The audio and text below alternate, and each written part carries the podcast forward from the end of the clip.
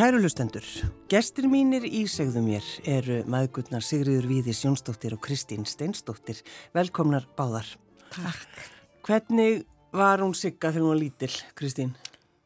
Hún Sigga, nú get ég náttúrulega ekki sagt neitt nema fallegt um hana. Nei, ég veit það. Þegar hún situr hérna við hliðin á mér. Ég, ég er tilneitt. En Sigga var rólega þetta barn. Um, hún var stúlkan sem við ætluðum að eignast Við vorum búin að eignast tvo drengi, Eirík og Stein Arnar og um, langaði að fá stúlku. Oh. En þá vissi maður svo sem ekkert, bara, maður var bara lánsamur ef barnin kom heilbrygt út og hvort það er stúlka eða drengur það vissum við ekki.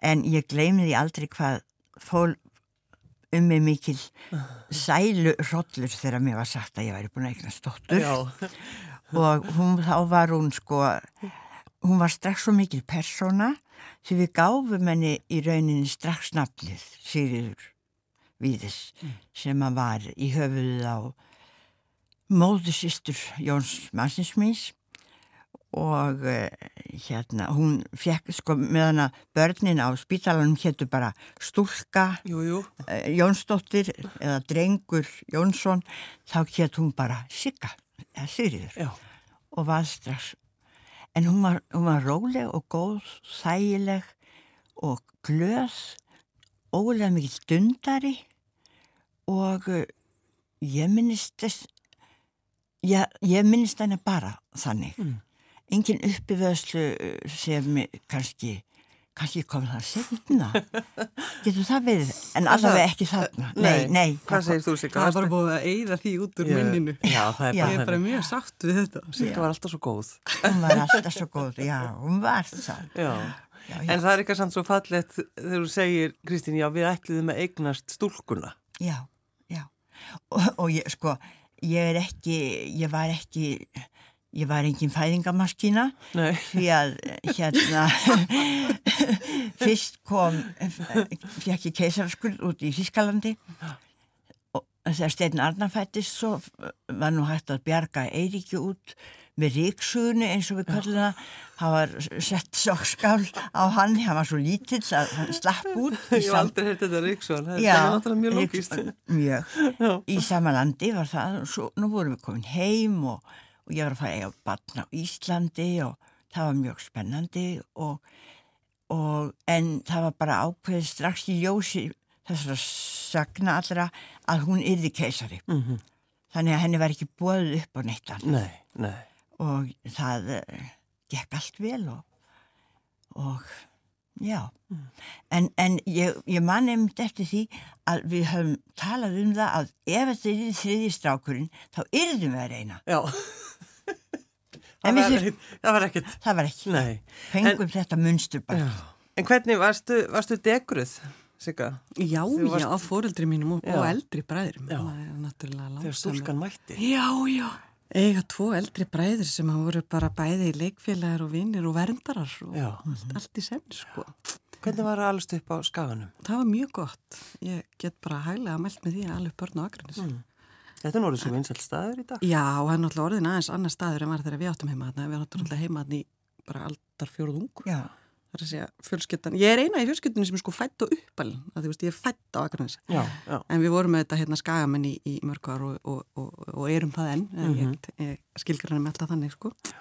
En þá byggur þetta um 5.000 manns. Já. Nú er alveg komin 7-8.000 og fylgta fólki komið líka sem hefur enga tengingu áður við Akranis.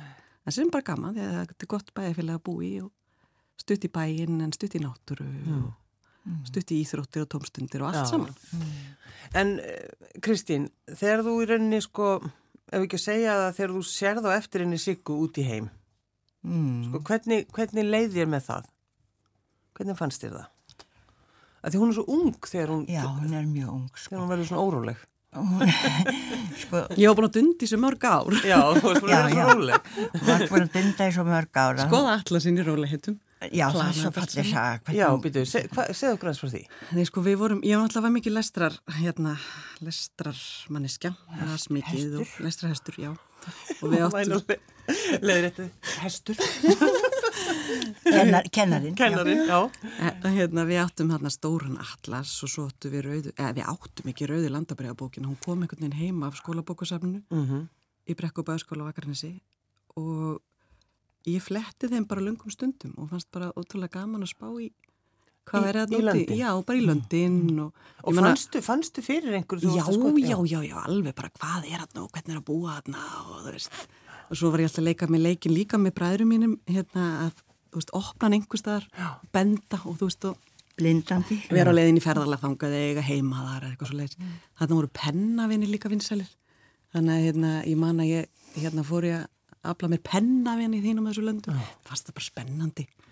Þannig að ég á búin að vera dundaði þetta í nokkur ár þegar Þeirra, já. ég fór að fara. Þú, þú byrjaði náttúrulega með því að fara sko sem hérna til Be Belgíu til þess að passa frændaðinn. Já, það var í svona vendu umhverju. Það var í þú veist 15 að 16 sko. Já, þá var ég mjög róleg.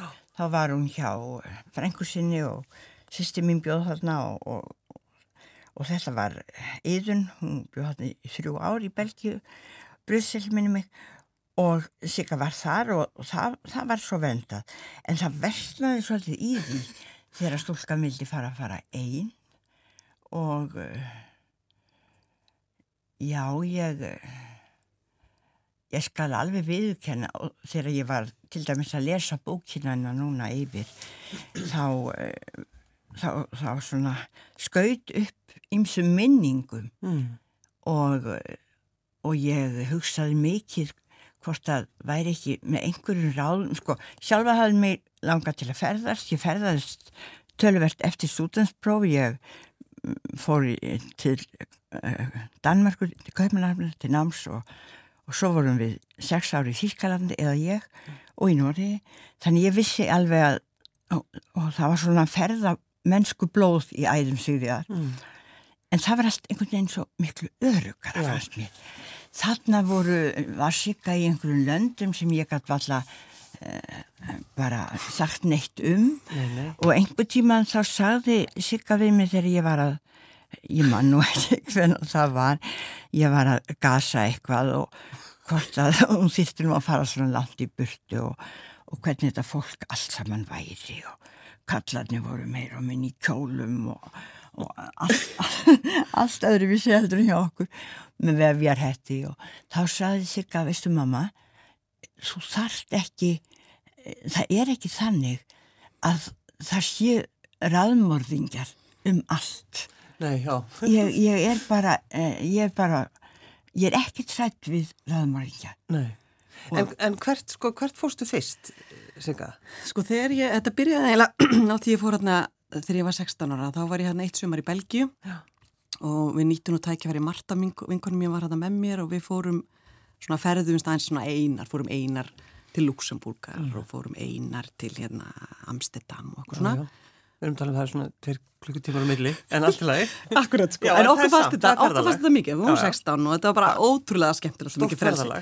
Já, og svo svona, þú veist, nokkrum árum setna, þá, þá var ég bara komin út í það að vera farin að fara, þú veist, e, til að, þú veist, Afganistan og Indland og hérna já, þú veist, Katar, Bosníu Rúanda, mm. Suðsútan og fleiri þannig lönd, en það var að því að þá var ég farin að sagt, e, starfa sem sjálfstafstafnandi blagamæður og var drifin áfram af því að spjalla við fólk mm. og sapna sögum, kynast heiminum sjálf en líka miðla því sem að fyrir auðu bar. Já, það var það sem drefði mig áfram. Já, en svona kannski ekkit skrítið þá að þú farir í, sko, verður kynningastjóri UNICEF, þetta er einhvern veginn svona... Já, já, þetta var, þetta, þetta var allt einhvern veginn, hérna, þetta fjall allt mjög vel saman. Já. En þess að ég, ég skrifaði björritgerð hérna, ég tók heimsbyggi og ég skrifaði björritgerðinu sem var mikið að spá í svona siðferðilegum spurningum varandi bara ábyrð okkar gagvart öðru fólki. Já. Þú veist, ber mér að hjálpa öðrum, ber mér siðferðileg skilda til að hjálpa öðru fólki og ég hef alltaf bara spáð mjög mikið í svona fátækt og ójöfnuð og hjálpastarf og slikt mm. þannig ég var alltaf drefin áfram í þessum ferðalögum að ég að fara á einhvern veginn þannig staði. Þannig að mig langaði aldrei að fara eitthvað til spánar eða nei, nei, nei. E, veist, að, að því að þar, þar fannst mér ekki vera þær sögur sem ég var að leita eftir. Veist, mér langaði bara að fara í einhverju flótamannabúðir að tala við veist, fátækt fólk eða fara í fátakra hverfi eða þannig. Ég meina þú fyrir til Rúanda Já, já, en þar var líka bara, þú veist, þar hefði verið mörg ár síðan, eða þú veist, hvað var það, áratugur síðan að þjóðumórnu lög já, já, já, og hérna, og ég meni, þegar ég kemnar þá er bara land í sárum sem er samt að jafna sig eftir þetta allt saman. Ótrúlega matt sem hafi breyst í millitíðinni, mm. dásanlega fallegt þarna, ótrúlega mikið náttúra en þetta fólk í sárum. Og þú veist það var það sem ég fann svo áhugavert bara hvernig eftir að hafa gengið í gegnum svona rosalega hluti hvernig tekst fólk á við það? Mm. Og, og þú veist það var alltaf svona sögur sem ég var að hérna, hérna ná í en það er líka var til þess að ég var kannski að fara á staði sem að ég hugsa móðu mín hefði alveg verið til ég ég hefði ekki að fara ykkur þannig en hér var ég að fá að taka skýst og greinlega fram að hún setti aldrei sko fótinn fyrir mig Þannig að hérna. Nei, aldrei sko aldrei. og bara 100% stuðningur mm. sko út í gegn. Já. Og hérna, og ég meina þegar ég er að fara að fara svona, svona þokkalega langt í burtu að þá er ég orðin, hvað ég var að segja, svona 23 ára og þá var ég þetta búin að vera að gera þetta í nokkur ár. Mm. Því ég fór strax eftir stúdent og var í burtu í, í, í að verða ár og hérna, e, e, þú veist, það kemur ekkert óvart maður með því að það hefði kannski verið mest hrættu með þá, mm. því þá var ég svona farin að fara langt í burtu en einhvern veginn ekki alveg komið reynsluna mm en svo þetta var ég bara fljótt komið með mikla reynslu í þessu og það er ekki að ég hafi verið úti að vandra á kvöldin í myrkri nei, nei, ég var bara með, setti sjálfur mér mjög stránga reglur mm. og fór eftir þeim og... Er, er, er þetta ferðast alltaf einn? Já, sko oftast fer ég einn af stað Já og svo kynnist maður auðvitað oft bara fólki á leiðinni eða einhvern veginn, eh, já, hlutir einhvern veginn verða þannig að maður hérna er allt ína fann að ferðast fleiri neitt sko, mm. en mér fannst mjög áhugavert að fara bara eina stað og oft var ég náttúrulega bara búin að setja mér í samband við einhver hjálparsamtök eða einhver mannúsamtök eða aðra sem tóku þá svona á móti mér já, já, já. og svo allt í nefn að bara fann að gista heima í einhverju góðu fólki sko. En, en sko, hvað er þetta, vildi Sigga bjarga heiminum, Kristín? Já, hún hefur nú alltaf verið svo, svo lítið hérna á þeim buksunum. Já, já, já. já, og það finnst, það, það met ég svo mikið við, Sigur mína, mm. að hún er ekkert að, hún er ekkert mjög materialistisk fyrir sjálfa sig, mm. alls ekki. Hún er þá frekar eh, fyrir aðra, sér heiminn í starra samhengi, heldur en við kannski gerum og jújú, jú, hún tekur kannski sjensa eins og þarna sem ung stúlka og eh, ég veit nú ekki alminlega hvernig skagamönnum hefur þótt þetta sigga það var nú bara kannski nóg í bylja að fara yfir með Akraborg til Reykjavíkur það var rosa vilt það var rosa vilt bara fara sko. yfir. Já, já, bara. En þegar þú skrifar þessa bók uh, vegabref íslenskt og þegar maður sér löndin sem þú farið til þetta er náttúrulega bara eitthvað þetta er rosalegt. Um, þú ert að segja okkur sögur af fólki sem kynist það ekki? Jú, akkurat. Og ég er að miðla að það er einhver ástæði fyrir að setja þessar sögur í, í, í bókina Já. og það er að ég valdi þannig sögur sem ég fannst að gætu endurspegla einhverja stærri sögu mm -hmm. þannig gegnum persóna sögur að fólki gætu maður svona endurspeglaða mörgulegt einhverja heimsögulega uh, atbyrði. Mm. Afganistan 2003, hvernig er staðan þá? Þá er náttúrulega bara, þú veist, búið að hérna, steipa talibanstjórnunni og veist, verið að setja saman nýja stjórnarskrá og því talibanir hafði hend gömlu stjórnarskráni Það er verið að setja saman e, kjörsgrá því já, það eru þingkostningar á næsta leiti og, og bara allt spennandi. Já, já, en á sama tími einhvern veginn er rosa svona, uh, ok, byrjuðu það er samt eiginlega lengi lengur að tala um Afganistan af því það er alltaf að tala um Írak. Það var bara aðast inn í Írak hérna nokkur mánuði fyrr. Mikið voru í lofti en líka rosa skrítið að það var til dæmis bara 5.000 friðækjastlulegar í Kabul. Mm. Það var engir erlendir hermenn út á landsbyðinni að því Afganistan átti bara að vera búið já, já, já. árið 2003 þannig að þú veist, mér finnst hérna kaplinni í bókinu um Afganistan hann endur spekla mjög svona starri sögu og mér finnst gaman að hérna að skrifa þarna um fólk sem ég kynntist og sjá síðan bara hver afdrif þeirra urðu. Mm. Þannig að þú, þú aðtóður það? Þú, semst, Já, í öllum, í öllum köplunum í, í þessari bók Vegabrif Íslands þá kynnustu við einhverju fólki sem ég reynir síðan að hafa upp á og aðtóða hvernig hérna, hafa það í dag. Já og, og ég fletta þá sama við það líka bara stöðuna í viðkomandi landi mm. í dag. Til dæmis eins og það er eitt kaplið þarna frá Palestínu, þar kynust við palestinskum fjölskyldum sem að búa innan um Ísæðskar landtökubeður og við reynum átt okkur á því bara hvaða áhrif það hefur á daglegt líf mm. þessar fólks. Og síðan heyri við þá í eftirmálunum, ok, er það eitthvað betri í dag, er hún verri, hvernig mm. hefur fólkið það? Ah, ja. Þannig að veist, eh, þetta á að vera svona svo lítið ferðalag um heiminn þar sem að lesandin fer með mér á milli ólíkra landa en kynist vonandi í leiðinni bæði spennandi fólki en líka fræði staðins um svona, eða hvað ég var að segja, sér, sér hlutina vonandi í einhverju, einhverju samhengi. Mm. Kristín, varst þú látið að lesa bó, yfir bókina? Ég var ekki látin lesa nei. nei, nei, nei, nei. Sikar stóð ekki yfir mig með, með vöndin en ég gerði það með mikill gleði. Já, þú varst beðin. Já, ég var beðin Og hún spurði hvenar á ég að lesa? Já, já. hvenar á ég að lesa, já. En þetta er náttúrulega samt svolítið gamalt því að, uh, Kristín, þegar þú byrjir að skrifa þínar, mm. þú byrjir náttúrulega á, á, á badnabókunum. Á badnabókum, já. Og þá lætur þú sig lesa. Já, já. Það, lesa yfir. Þannig að þá, sko, já, já, þá eru hlutföllin önnur.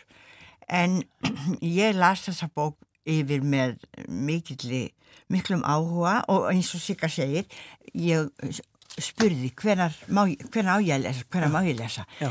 og því það voru ymsir aðri sem voru að lesa á gefinni ráð og svona og eh, hún mjallaði svona í, í mig kaplana og, og mér fannst það bara mjög mjög ásættanlegt og eh, áhugavert Já.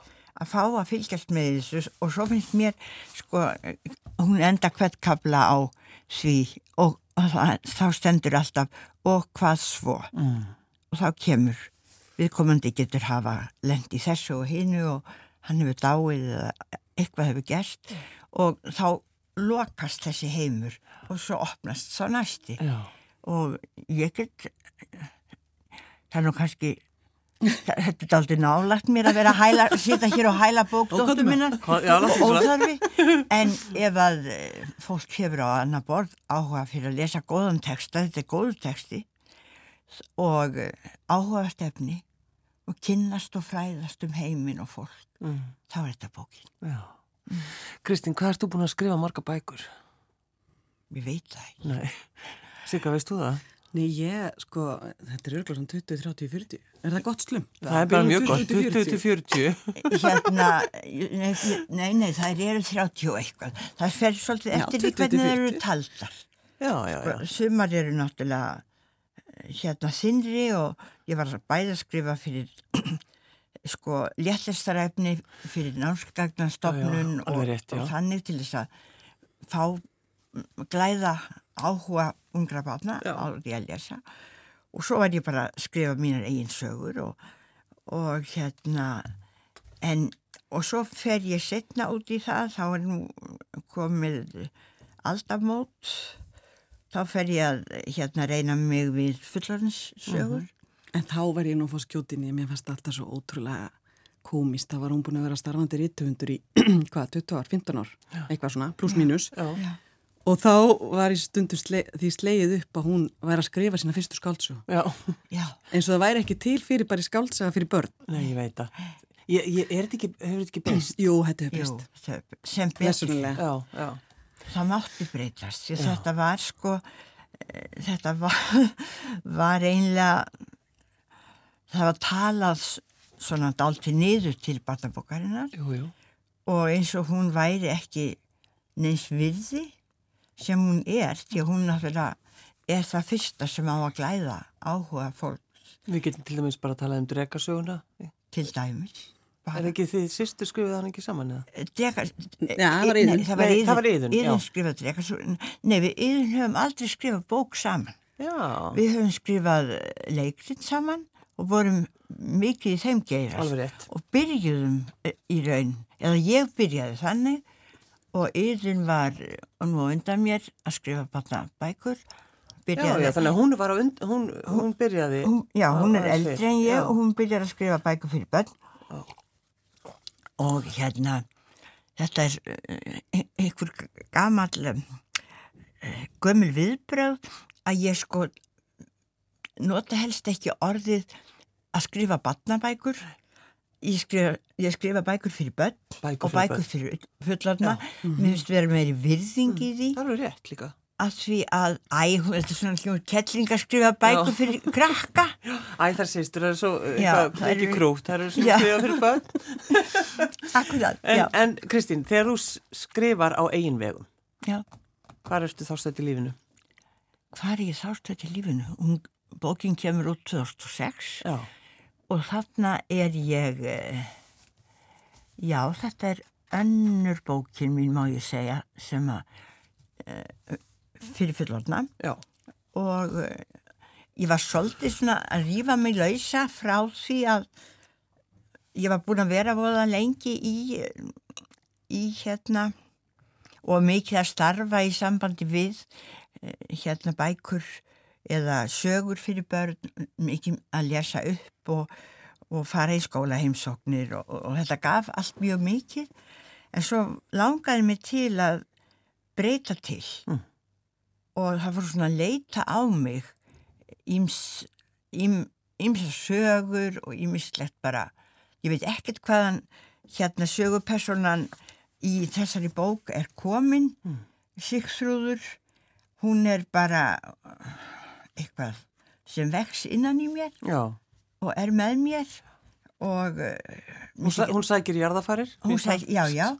Hún, hún, þetta er ekki sem að hérna sagan er sögði í sko daltið mörgum plönum. Hún er hún, hún er náttúrulega mm, einstæðingur. Hún móður hennar deyr að barsförum þegar hún fæðist og, og fadurinn er aldrei neitt inn í myndinni Nei. en hún hérna fóstrænar Hallfríður sem er ljósmaður og tekur mót henni hún eh, bara ákveður að ala stúlkuna upp og gerir það og reynist henni fjarskalega vel mm. og svo bara þetta er, þetta er á norðurstrhóttninu þú segir mér það Já. og eh, hérna nú hún elskar eitt sumar elskar hún pilt ákavlega heitt. Hann er hann er hérna kaupamaður og það verður úr því barn. En kaupamaðurinn fer í burtu og hún sér hann aldrei meir og, og uh, barnið deyr í fæðingu. Og svo giftist hún öðrum og, eða giftist hún hún hafði ekkert giftst kjartani og með honum býr hún en þau, þeim verður ekki barna auðið mm. og uh, nú er hún komin til Reykjavíkur orðin ekki og uh, býr með köttornum sínum, ber út blöðin og uh, fær þá náttúrulega morgunblad og hérna ákjöpis og, og sest niður og les minningagreinar þegar hún er búin að hérna, flóa sér mjölk og, og uh, leggst upp í rúm með köttornum og les minningagreinar og velur sér einhverja góða konu eða mann.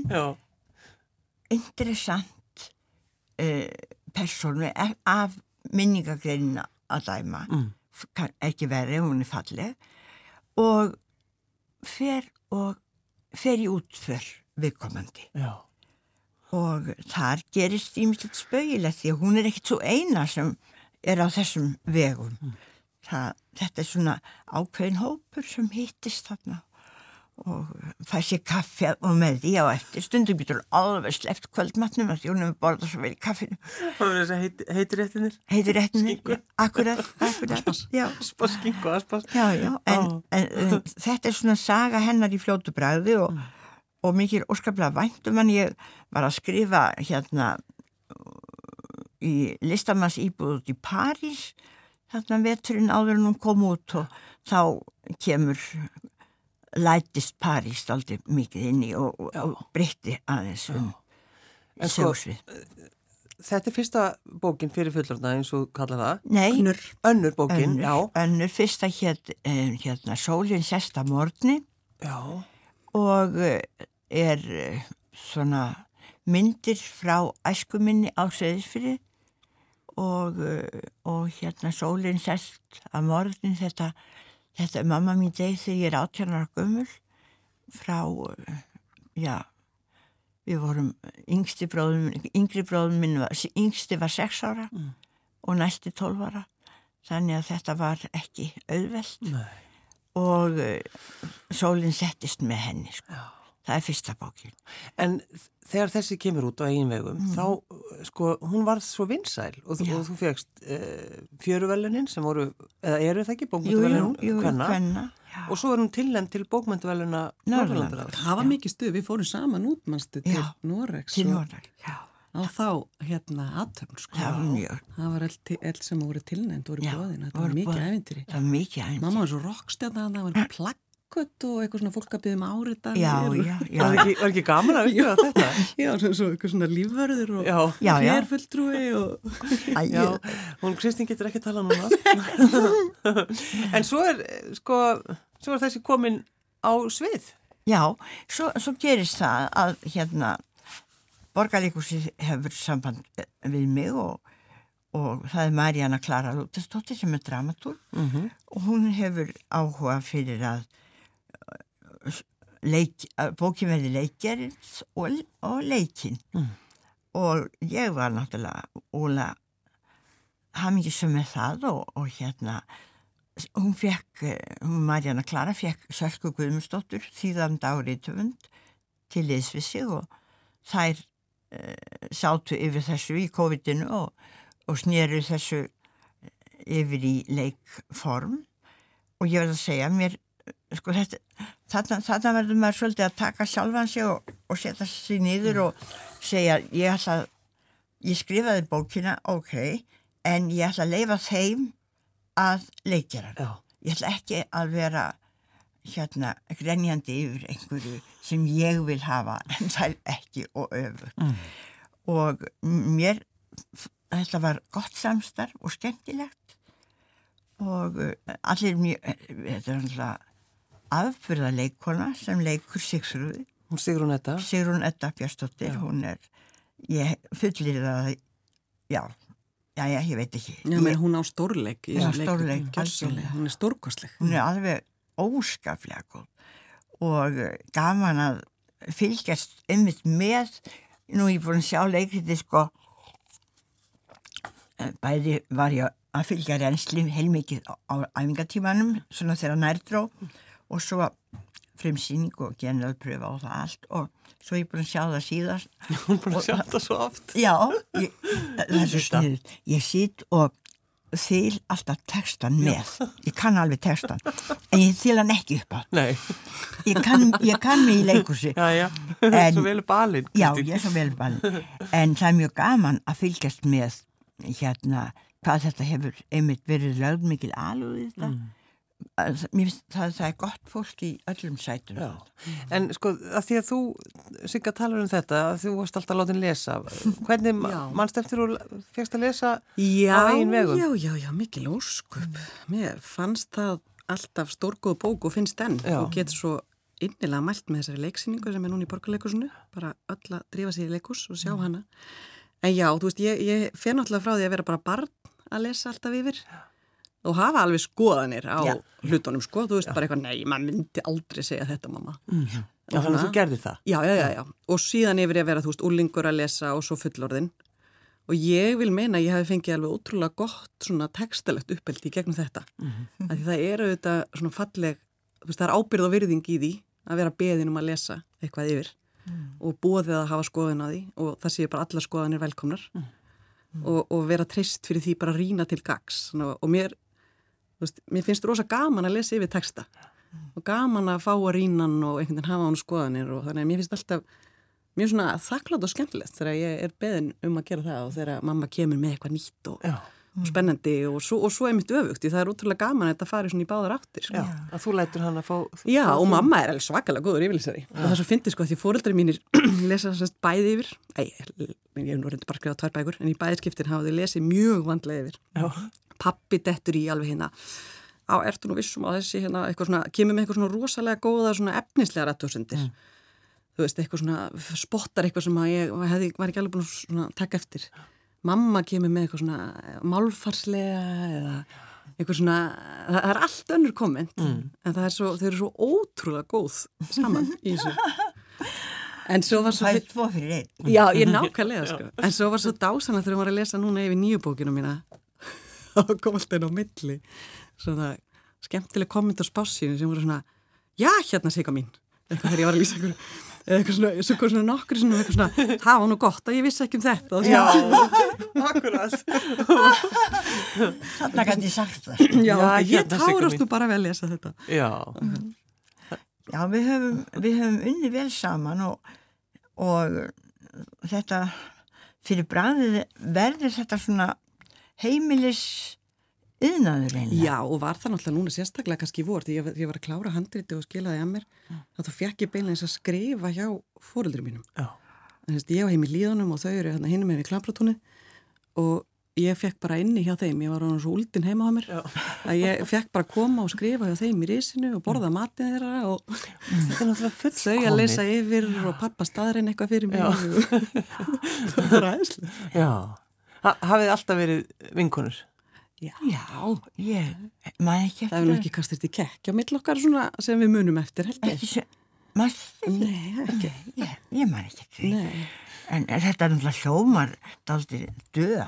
Við skulum til dæmis aldrei hafa geta rifist alveg. Nei, bara fáránlegt. Ég var vonið í fenginu einhverja djús í sögur. Ég man eftir einu sinni þegar ég, að því sko hún stoppaði mig aldrei í þessum ferðalögum, en ég man einu sinni eftir þegar ég sagði henni ég ætlaði að fara til Kabul já. og þá sagði hún sko þarftu nú að gera það? Já, já, já. Og þá bara einhvern veginn sagði ég eitthvað svo, svo að hún þurfti bara að trista mér og hún bara gerði það, það. og, og pappi minn og, og, hérna, og það lukkaðist allt vel hér er ég í dag hér er þú í dag. En, en nú, núna sko, hugsa ég stundum Já, ég hefur svona oft um það að við höfum kannski verið glannar fóreldrarnir að það setja ekki stólinn fyrir þetta en hún var líka alltaf svo dugleg hún var svo dugleg að vinna og vinna fyrir þessum ferðalögum. Mm -hmm, mm -hmm. það var ekki eins og lægi upp á okkur og segja hérna, getur keft fyrir mig flugmiða til Kabul nei, nei. neitt svoleiðis. Þá hefur það bara getið að segja nei því miður, ekki lánaður já, því miður. Hún vissi það, þess að bara en, hérna, en ég hef, hef stundum hugsað um það sko hvernig nú á cirka tvö börn í dag? Hvað ger ég? Fimm ára og átt ára. Hvað gerir þú elskan þegar að taka mömmu sko, pappa? Verða, þau verða fullanum tveim ára en seti ég. Ég get byrjað að hugga mig við það Því ég, ég var þérna sjálfráða 16 16 ára. Það er strax betra, það hljóma betur. Já, já, það hljóma miklu betur. En hún á kannski, eh, Kristín, hún á eftir að ringja kannski í því eitthvað vælandi við því þegar þau eru fann að taka réttar ákvarðanir Það getur vel verið. Já, já og, aldrei vita. og, já. ég held ég leysi þetta með að fara bara með já, já. ég kem bara með og tek þátt í ykkar æfintýrum það dætt mér aldrei nei. nei, nei, við erum alltaf farin að fara svona saman í æfintýri með mín fjölskylda. Því mér langar svo innilega að þau kynnist heiminum og sjáu svona hvernig fólk býr alls konar og fólk er alls konar. En samt eru erum við grunni svo lík. Þetta er alltaf ótrúlega gott við að næsti Já, ég bara hérna vil það er mín óska sem flestir svona einhvern veginn nái að upplifa sér sem hluta af einhverju starra mingi, þú veist, sem hluta af jörðinni og jarðarbúum, mm. en ekki bara ja. mingið eitthvað, þú veist, Ísland eða Reykjavík eða Líðarnar eða Akranis Akranis Ég baði ykkur að velja lag. Um, það er Ingólfur Steinsson, Steinsson bróður þinn. Gaf út plötu sem heitir Bernsku breg og þetta er lagið Eða var það draumur. Já. Af hverju vil ég þetta lag? Já, Já sko, ég, ég eiginlega valdi það að því að hérna, þetta er frábær plata, Ingólfur er hérna dásalegu tónlistamæður og þetta lag var í svo miklu uppáhaldi á mínu heimili. Ingólfur gaf okkur plötuna og við hérna svonum minn Haugur sem þá var svona sex ára, hann vildi alltaf spila þetta lag aftur og aftur og aftur mm. og þegar það voru ammali og við vorum einhver svona bánsaleik að henda bánsa á milli og þegar tónlistu myndi stoppa þá ætti hérna svo að vera úr sem að væri með bánsan í fangin og þá var þetta lægi sem var sett þetta er bara svona læg sem kemur mann í gott skap já. og er fallt syngur svo fallega. Sigriður Viðis Jónsdóttir og Kristín Steinsdóttir er töndar og maður Takk fyrir að koma. Takk fyrir, Takk fyrir okkur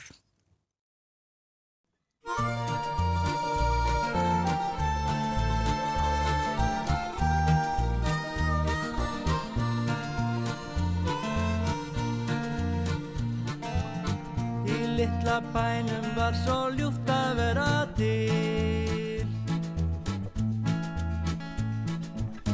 Við gátum leikið saman löngum stundum, stundum, fundum, fjársjóðuða höll. Eða ferlegumul tröll. Á vetrum skólin og á vorin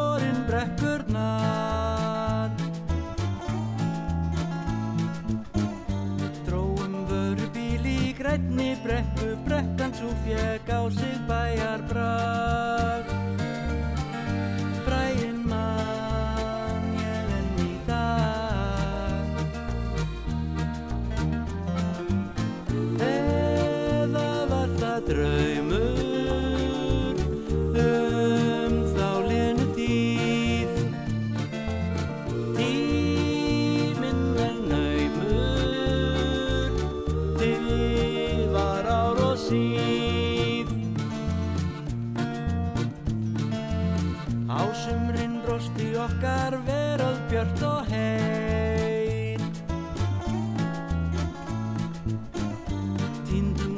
skóm í grænu hegi, höllum degi hljómað okkar lag.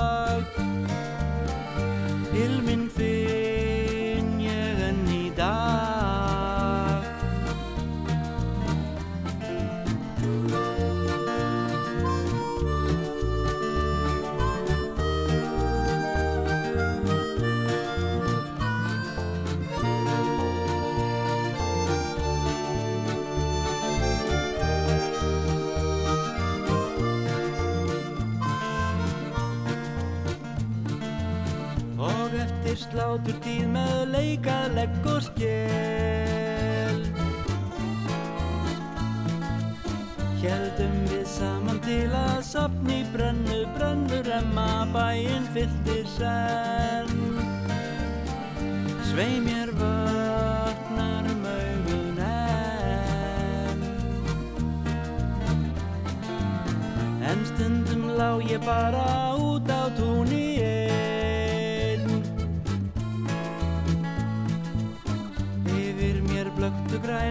buntstráin og himinin var heiður og svo blá